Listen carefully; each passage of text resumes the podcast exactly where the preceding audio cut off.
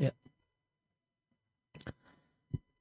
Alhamdulillah wassalatu wassalamu ala rasulillahi wa ala alihi wa sahbihi wa man tabi'ahum bi ihsanin ila yaumidin amma ba'd kaum muslimin dan muslimah rahimani wa rahimakumullah kembali kita lanjutkan membaca dan mentalaah nasihati lin nisa'i karya umu Abdillah Al-Wadi'iyah hafizahullahu ta'ala kita sampai pada eh, halaman 71 di pembahasan tentang sababu afatil lisani sebab-sebab timbulnya berbagai macam penyakit lisan. Wa kullu ma min afatil lisani semua penyakit-penyakit lisan yang telah disebutkan dan penyakit lisan yang belum aku sebutkan kullu yarju ila syai'aini. Itu sebabnya kembali pada salah satu dari dua faktor. Yang pertama immal jahlu. Boleh jadi ketidaktahuan kalau itu satu hal yang haram satu hal yang terlarang ya, dikira bahasanya itu satu hal yang tidak mengapa. Ya, orang misalnya orang yang berbohong karena ingin membuat temannya tertawa. Sebagian orang melakukan hal ini karena tidak tahu kalau itu satu hal yang haram dan satu hal yang bermasalah. Kemudian yang kedua dan ini yang paling banyak terjadi wa imma fasadul qalbi dan boleh jadi karena rusaknya hati. Sehingga karena rusaknya hati maka di, sebenarnya sudah tahu sudah ngaji. Bahkan dia adalah orang yang lama senior dalam ngaji. Bahkan tergolong orang yang berilmu. Orang yang ilmunya mendalam. Dia sudah mengetahui uh, mencela orang merendahkan orang itu satu hal yang haram. Dia sudah mengetahui mengetahui hadis sibabul muslimi fusukun. Menjelek-jelekkan seorang muslim baik itu teman satu pengajian dengannya, satu guru dengannya ataukah tidak itu adalah kefasikan dan dosa besar.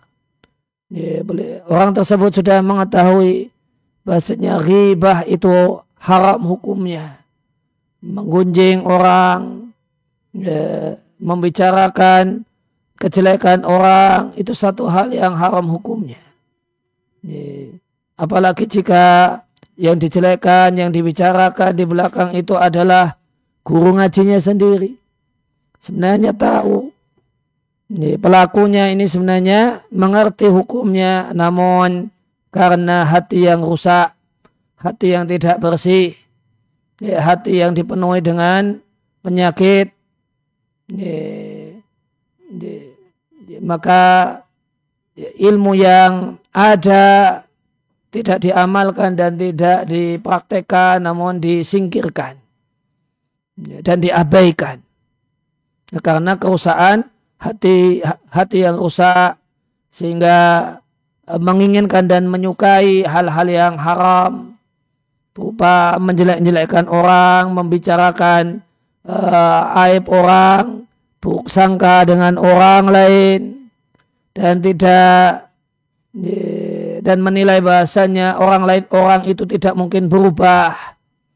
Sehingga ketika seorang itu dinilai sudah punya masa lalu yang buruk ya maka cap keburukan itu terus saja ditempelkan di orang tersebut. Seakan-akan seakan-akan memustahilkan perubahan. Padahal dunia ini selalu terus berubah, demikian juga penghuni dunia ini. Ya. Tidak benar jika ada orang yang mengatakan saya masih seperti yang dulu, tidak mungkin. Bertambahnya informasi, bertambahnya bahan bacaan, bertambahnya pergaulan, itu akan uh, mengubah seseorang. Maka anggapan kalau orang itu jelek, di masa silam maka selamanya sampai kiamat dia jelek. Kemudian dibicarakan, kemudian dicela, maka ini dikarenakan fasadul qalbi.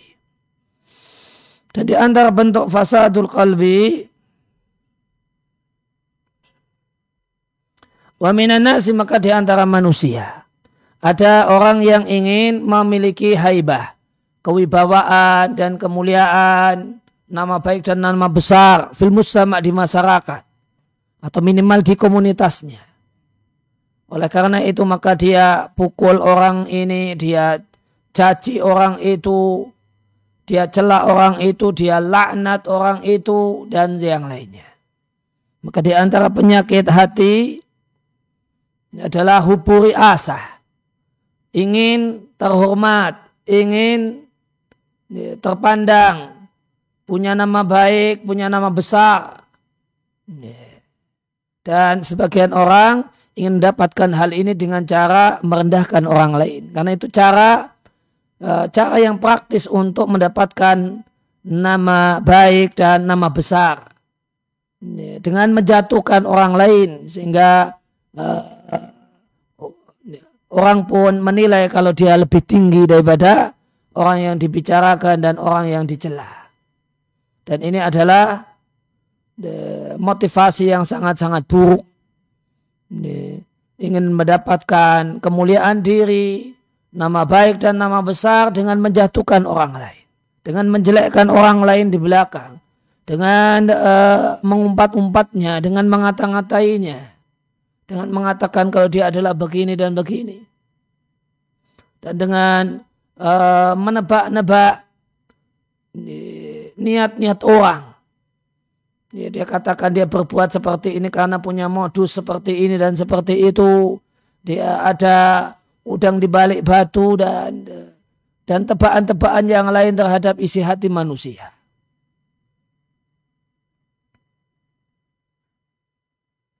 Nah, maka kemudian di, uh, dilanjut disampaikan oleh penulis wa Maka orang tersebut menyangka bahasa jika dia melakukan hal itu merendahkan orang, mencela orang, mengecek orang, menghata-ngatai orang, ya, menuduh niat, niat-niat orang dan menebak-nebak isi hati orang habahul mujtama'u.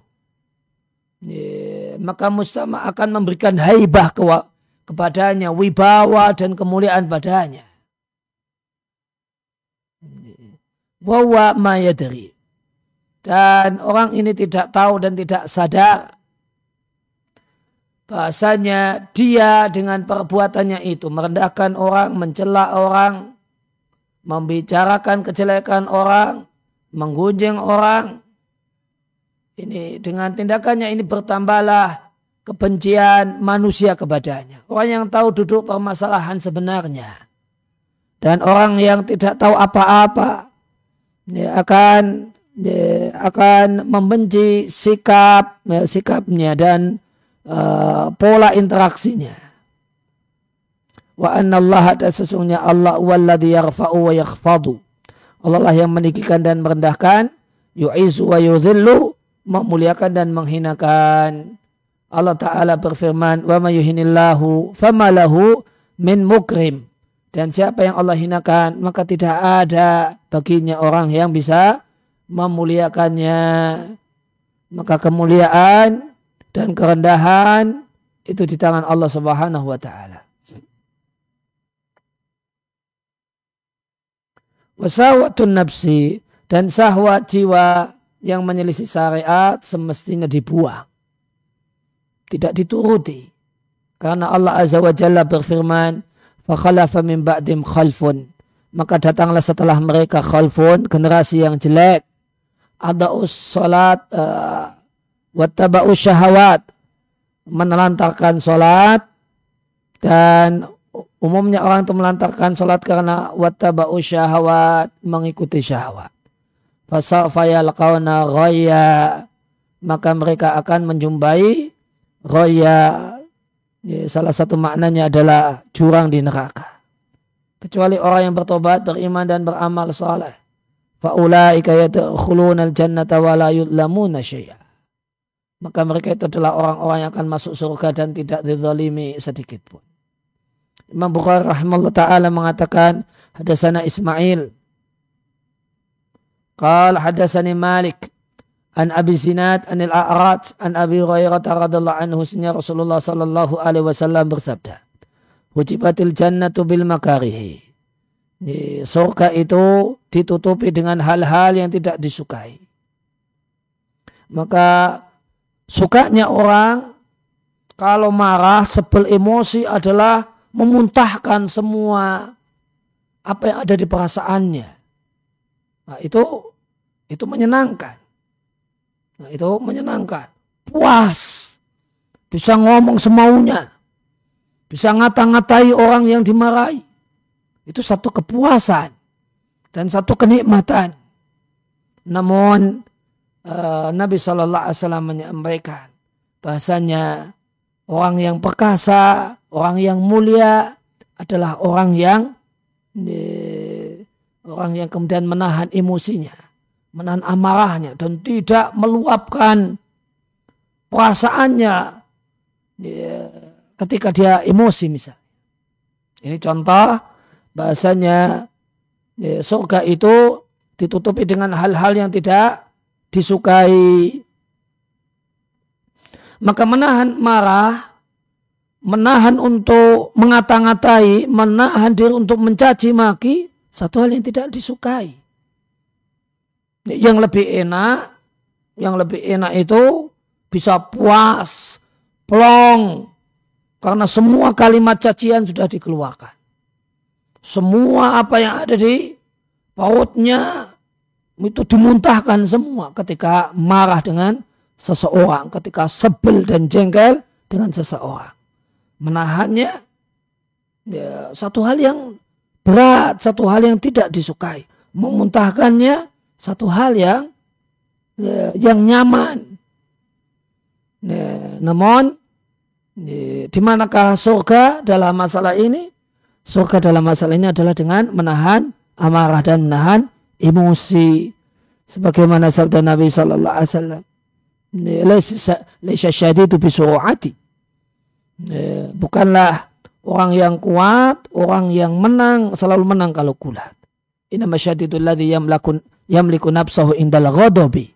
Non orang yang kuat, orang yang hebat, orang yang mulia, orang yang terpuji adalah orang yang bisa menahan amarahnya, menahan dirinya ketika amarah dan tidak memuntahkan dan tidak meluapkan semua perasaannya dan semua apa yang ada di dadanya, apa yang ada di perasaannya dan apa yang ada di jengkelnya. Ya, dan ini satu hal yang sangat uh, sangat penting untuk muslimah. Umumnya perempuan, umumnya perempuan ketika sebel, ketika jengkel, sudah ngomong terus kan. Nyocos terus. Ngomong terus seperti kereta api tidak berhenti-berhenti. Kenapa? Ya, alasannya supaya plong, supaya lega, supaya puas, maka ketahuilah bahasanya surga itu ditutupi dengan hal yang tidak menyenangkan oleh jiwa. Dan di antaranya adalah menahan emosi, menahan sebel, menahan jengkel, menahan marah kepada seseorang, ditahan. Sehingga kata-kata yang disampaikan adalah kata-kata yang uh, yang tidak uh, bukan kata-kata cacian, bukan kata-kata bukan kemudian namun tetap bisa kata-kata yang baik tidak cacian tidak kata-kata buruk makian label-label jelek sebaliknya Nabi katakan wahufatin nar bisyahawati dan neraka itu di, dipenuhi dengan syahwat hal-hal yang menyenangkan jiwa yang bikin puas yang bikin plong. Contohnya tadi. Ketika sebel, ketika marah, ketika jengkel, ketika bete, maka ngomong terus. Dan uh, dan uh, dengan tujuan untuk bikin ya, plong, bikin puas, bikin nyaman. Semua kata-kata cacian, umpatan dikeluarkan. Ini ya inilah yang sesuai dengan syahwat dan inilah yang mengantarkan kepada neraka Allah Subhanahu wa taala. Karena ungkapan cacian, ungkapan uh, makian, umpatan ini adalah kata-kata yang tidak Allah ridai. Dan ada orang yang berkata-kata dengan perkataan yang Allah tidak ridai tanpa dia pikir dalam-dalam dan kata Nabi ini mengantarkannya kepada neraka Allah Subhanahu wa taala. Wa fi riwayatin li muslimin dalam satu riwayat yang diatkan Imam Muslim dari Nabi sallallahu alaihi wasallam. Nabi mengatakan hufatil jannatu bil makarihi. Surga itu dikepung, dikelilingi dengan hal-hal yang tidak disukai. Wa hufatin naru bisyahawati. Dan neraka itu dikelilingi dengan hal-hal yang disenangi. Kalau dalam redaksi Bukhari dengan kata-kata hujibat ditutupi, surga dengan hal yang tidak disukai, wahujibatin nar sedangkan neraka ditutupi bisyahawat dengan sesuatu yang disukai.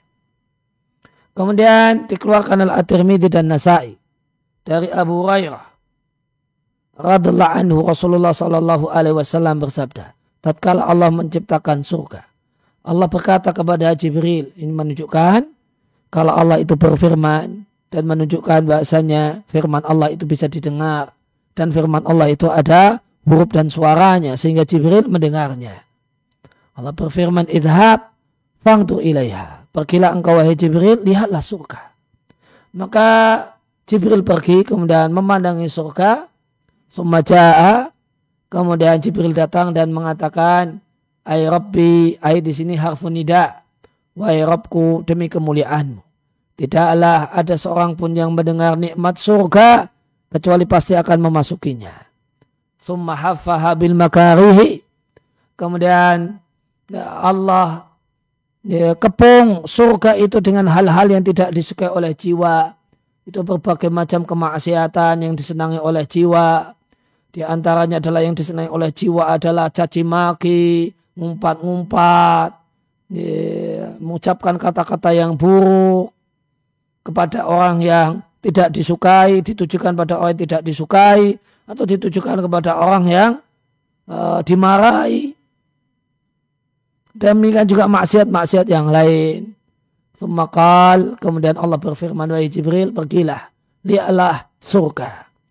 Maka Jibril pergi dan memandangi ke arah surga kemudian datang menghadap kepada Allah dan mengatakan ay Rabbi wahai Rabbku demi kemuliaanmu sungguh aku khawatir tidak ada seorang pun yang masuk surga. Kal Nabi mengatakan, tatkala Allah menciptakan neraka, Allah berfirman, Ya Jibril, wahai Jibril,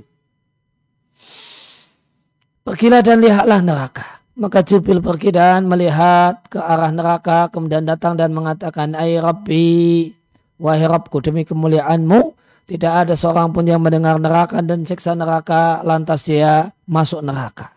Karena ngerinya neraka. Lantas Allah uh, kelilingi neraka dengan hal-hal ya, yang disenangi, disukai oleh jiwa manusia. Semakal kemudian Allah mengatakan wahai Jibril, pergilah dan lihatlah neraka. Jibril pergi dan melihat neraka, kemudian datang dan mengatakan, Ay Rabbi, wahai Rabbku wa izzatika, demi kemuliaanmu aku sungguh aku khawatir tidak tersisa satupun orang kecuali dia akan masuk neraka. Ya, karena ya, karena demikian luar biasanya syahwat yang menutupi neraka ini. Maka tidak ada satupun orang yang selamat. Orang yang sudah ngaji bisa uh, terjumus ke dalamnya, apalagi orang yang tidak ngaji. Ya, orang yang uh, berilmu agama bisa terjumus ke dalamnya apalagi yang uh, yang minim atau kemudian bahkan tidak punya ilmu agama lebih-lebih lagi dan hadis ini yang diatkan oleh Tirmidzi dan Nasa ini dimasukkan oleh Syekh Mukbil di kitabnya As-Sahih Al-Musnad. Kemudian gimana strategi setan untuk menjumuskan manusia ke dalam neraka? Maka setan yang terlaknat itu memandangi sahwat seseorang. Ke manakah sahwatnya itu condong. Maka jika sahwatnya itu condong menyukai ribah dan namimah, membicarakan kejelekan orang di belakang atau mengadu domba, maka setan akan yamilubi ilaiha membawa manusia itu kepada syahwatnya. Namun jika syahwatnya itu dia tidak suka ngomongin orang, dia ngadu-ngadu orang, non syahwatnya condong pada samai alatilahwi, mendengar alat musik, watorbi dan alat musik. Yamilu bihi ilaiha. Maka setan akan membawa orang tersebut kepadanya. Kemudian dan jika sahwat seseorang itu condong kepada ketamaan terhadap harta dunia, maka setan yamilu bihi ila dhalika. Dia akan membawa manusia itu ke sana. Sehingga sahwatnya, uh, tamaknya dimunculkan, akhirnya karena tamak dia mencuri, karena tamak dia merampas. Dan ini menunjukkan benarnya sabda Nabi Shallallahu Alaihi Wasallam la ya'tiyanna 'alan nasi zamanun. Sungguh akan datang pada manusia satu masa di mana seorang muslim tidak peduli di masa itu. Bima akhadal mala. Dengan apa dia mengambil harta? Amin halalin amin haramin. Apakah dia ambil dari sumber yang halal ataukah dari sumber yang haram? Diatkan oleh Al-Bukhari. Demikian juga uh, ada orang yang rela bersumpah dengan sumpah yang fajirah, sumpah palsu.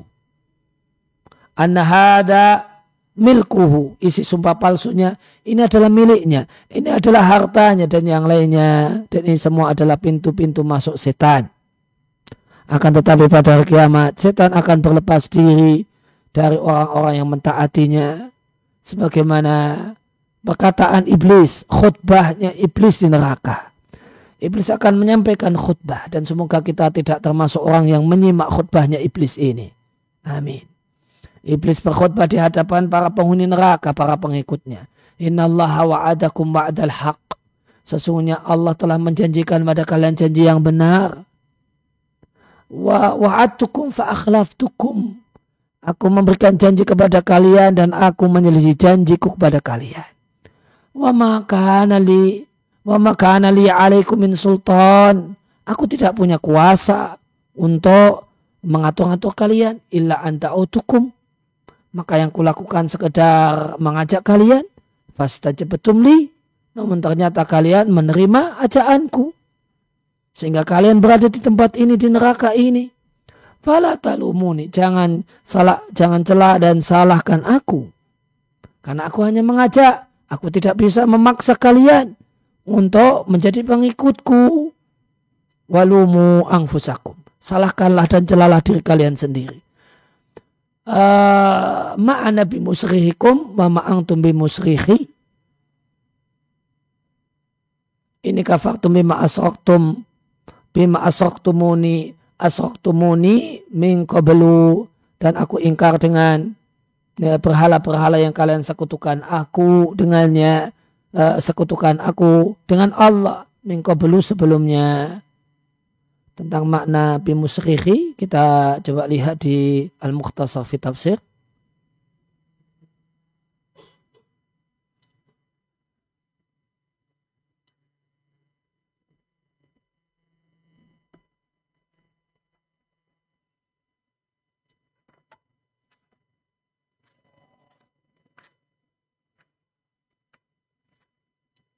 Surat Ibrahim ayat yang ke-22.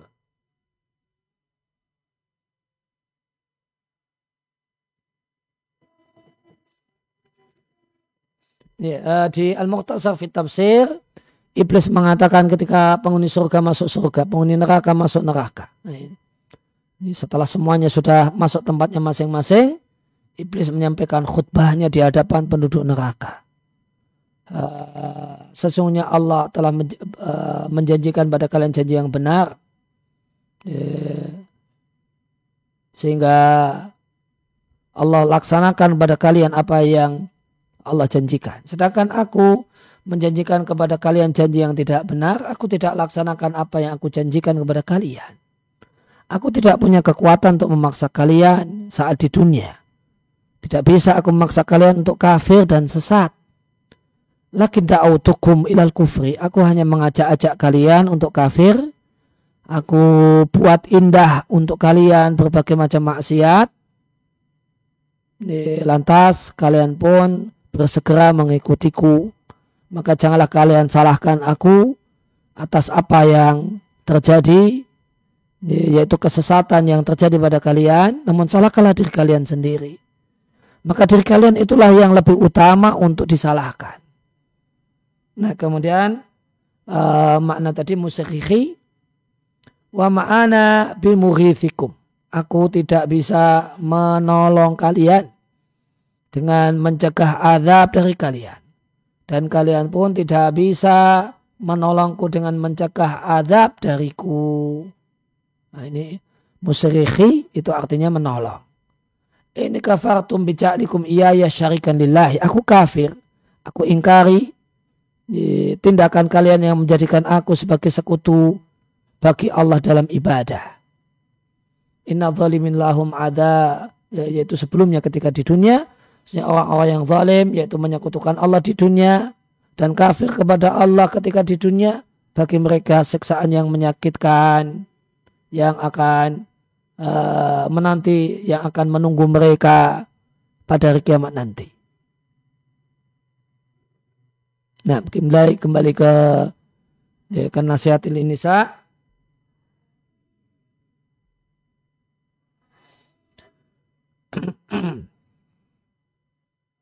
Ya, uh, kita masuk pada pembahasan baru setelah kita tuntaskan pembahasan tentang uh, penyakit lisan. Tadi sampaikan bahasanya kesimpulannya berbagai penyakit lisan itu terjadi karena dua sebab. Kebodohan, ketidaktahuan atau rusaknya hati. Sehingga ingin untuk melakukan eh, hal-hal uh, uh, yang diketahui kalau itu satu hal yang haram dalam agama kita. Kemudian selanjutnya adalah tarbiyatul auladi, mendidik anak. Ya, maka masa Allah uh, mukadimahnya tarbiyatul auladi syakotun.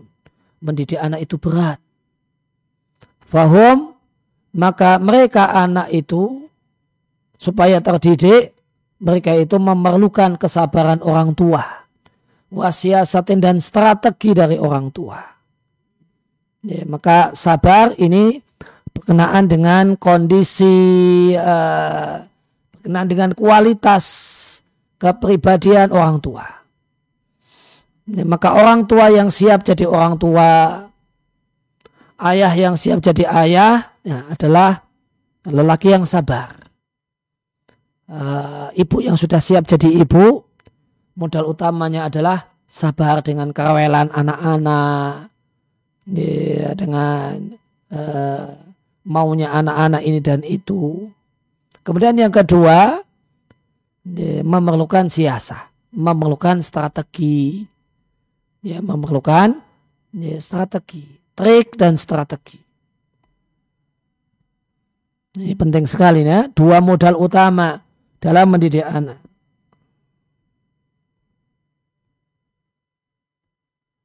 Sabar dan ya, trik dan strategi. Nah, trik dan strategi ini uh, bisa dipelajari.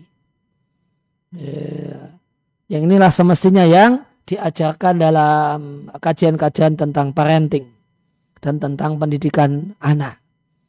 Ya, berbagi dan share gimana strategi, gimana trik, gimana kiat uh, mendidik anak.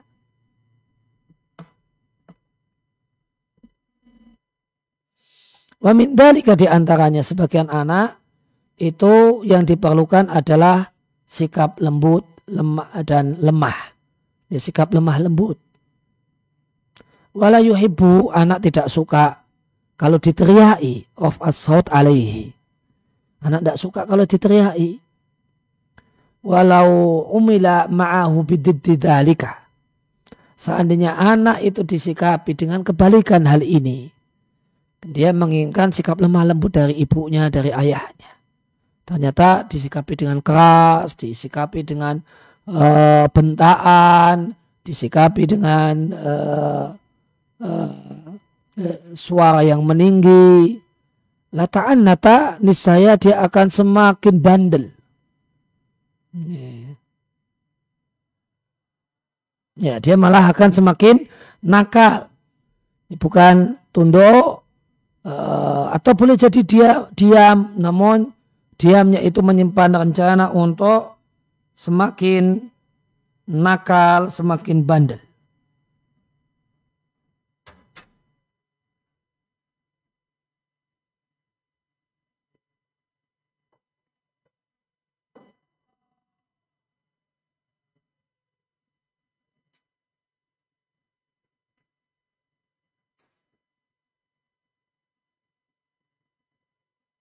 Ini ta'an nata maknanya adalah ta'asoba ngotot dengan sikapnya.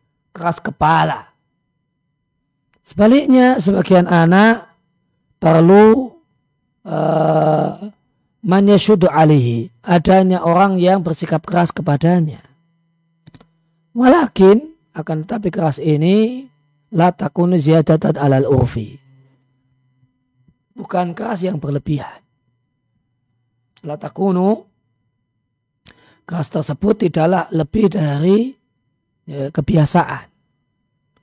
Uh, Fa'in zadat ala dalika.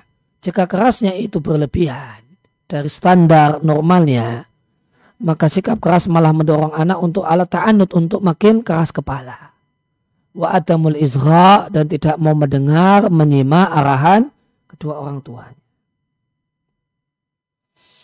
Maka kami mohon kepada Allah agar Allah memberikan kepada kita semua husna riayah. Kepandian dalam menggembala anak-anak kita. Karena tanggung jawab itu demikian besar di leher, di pundak dua orang tua. Allah Ta'ala berfirman, Ya ayyalladina aman wa orang-orang yang beriman, terutama wahai para ayah, ku angfusakum jagalah diri kalian, termasuk di dalamnya anak, wahlikum dan keluarga kalian itu istri kalian naron jagalah dari api neraka. Dalam sabura dan saya muslim dari Abdullah bin Umar Rasulullah Sallallahu Alaihi Wasallam bersabda, Kullukum ra'in wa kullukum mas'ulun. Setiap kalian penggembala atau pemimpin, setiap kalian mas'ulun. Akan dimintai pertanggungjawaban. Fal imamu maka seorang kepala negara itu ra'in seorang penggembala wawa mas'ulun dan dia akan dimintai pertanggungjawaban tentang rakyat yang dipimpin. Ini yang menjadi mahalus syahid wa rajul dan seorang laki-laki, seorang suami, seorang ayah adalah ra'in ala ahlihi. Pemimpin untuk keluarganya yang uh, yang ikut bersamanya, satu rumah bersamanya. Wa mas'ulun dan dia akan dimintai pertanggungjawaban tentang uh, rakyat yang dia pimpin. Dan perhatikan wal mar'atu ra'iyatun dan seorang wanita, seorang istri, seorang ibu adalah seorang pemimpin dan penggembala di rumah suaminya. Waya mas'uratun dan dia akan dimintai pertanggungjawaban bagaimanakah memanage rumah dan memanage anak-anak yang ada di rumah. Dan seorang budak adalah seorang penggembala dan pemimpin dan bertanggung jawab terhadap harta tuannya dan dia akan dimintai pertanggungjawaban. Ringkasnya, ala ingatlah Fakulukum ra'in wa kulukum mas'ulun. Semua kalian pemimpin dan semua kalian akan dimintai pertanggungjawaban.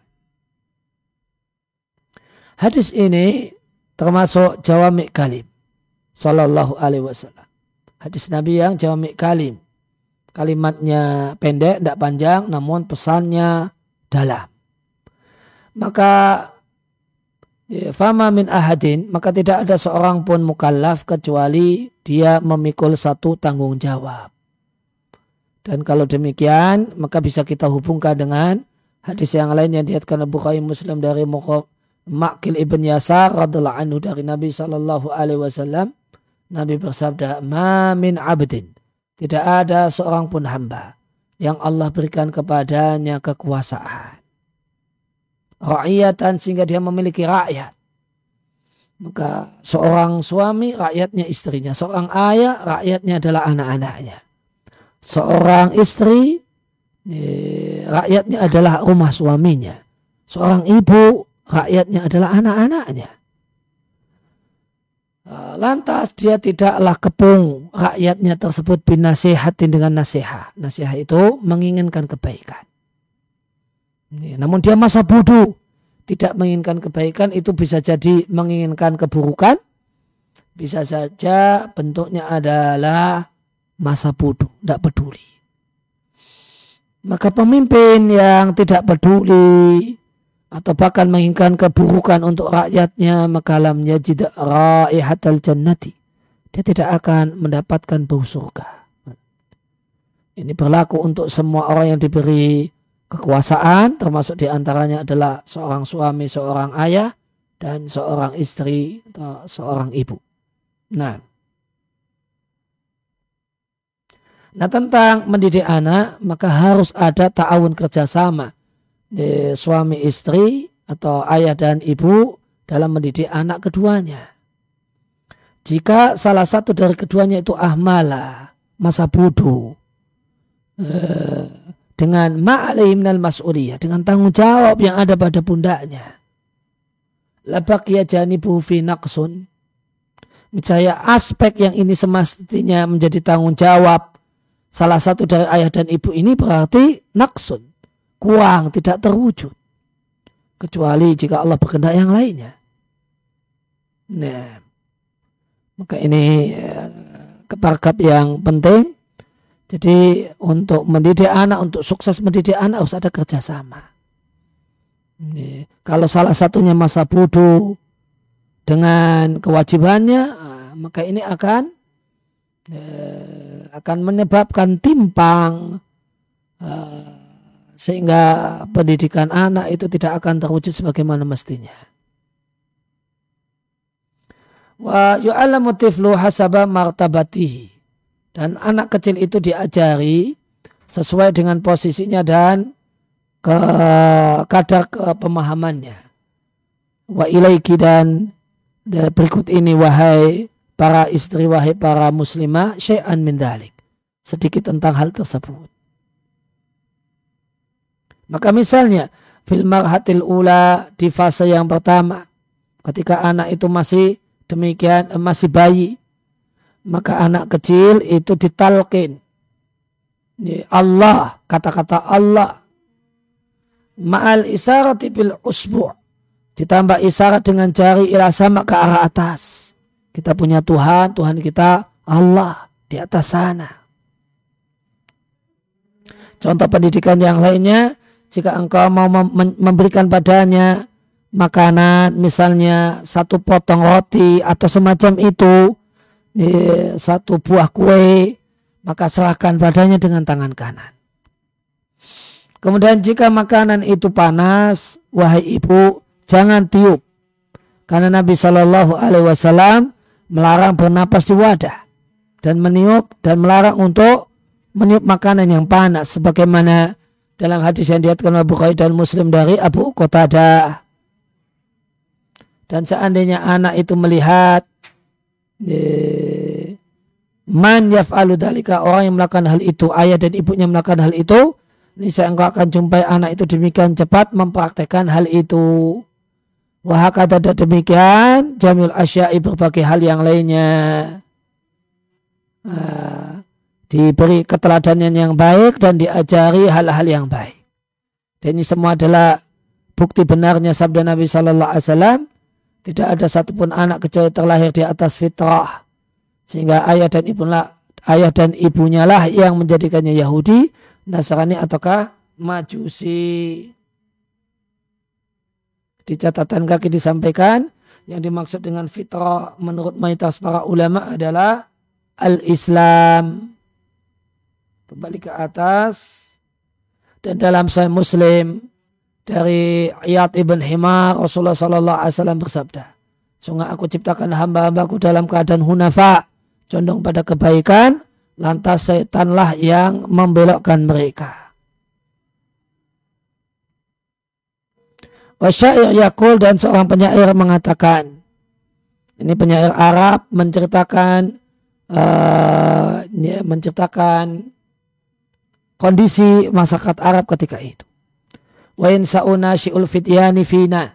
dan tumbuh besar orang yang tumbuh besar dari anak-anak muda di tengah-tengah kami ala kana awadahu abuhu sebagaimana pembiasaan yang diberikan oleh ayahnya. Di masa silam ini, tuntutan kerja itu tidak berat. Sehingga umumnya anak itu adalah cetakan ayahnya. Non kondisi uh, di zaman uh, kontem, di zaman sekarang berbeda. Tuntutan kerja, tuntutan profesi, tuntutan pekerjaan luar biasa. Sehingga sekarang yang berlaku ya, anak itu tumbuh besar ala makana awadahu abu ummuhu. Ya, anak itu tumbuh besar sebagaimana pembiasaan yang diberikan oleh ibunya. Karena ibulah yang ketika ibu itu adalah ibu rumah tangga, ah, itulah yang membersamai anak. Nanti kalau ibunya juga sibuk kerja menjadi wanita karir, ya jadinya ini bentuknya beda lagi. Nanti alamakana awadahu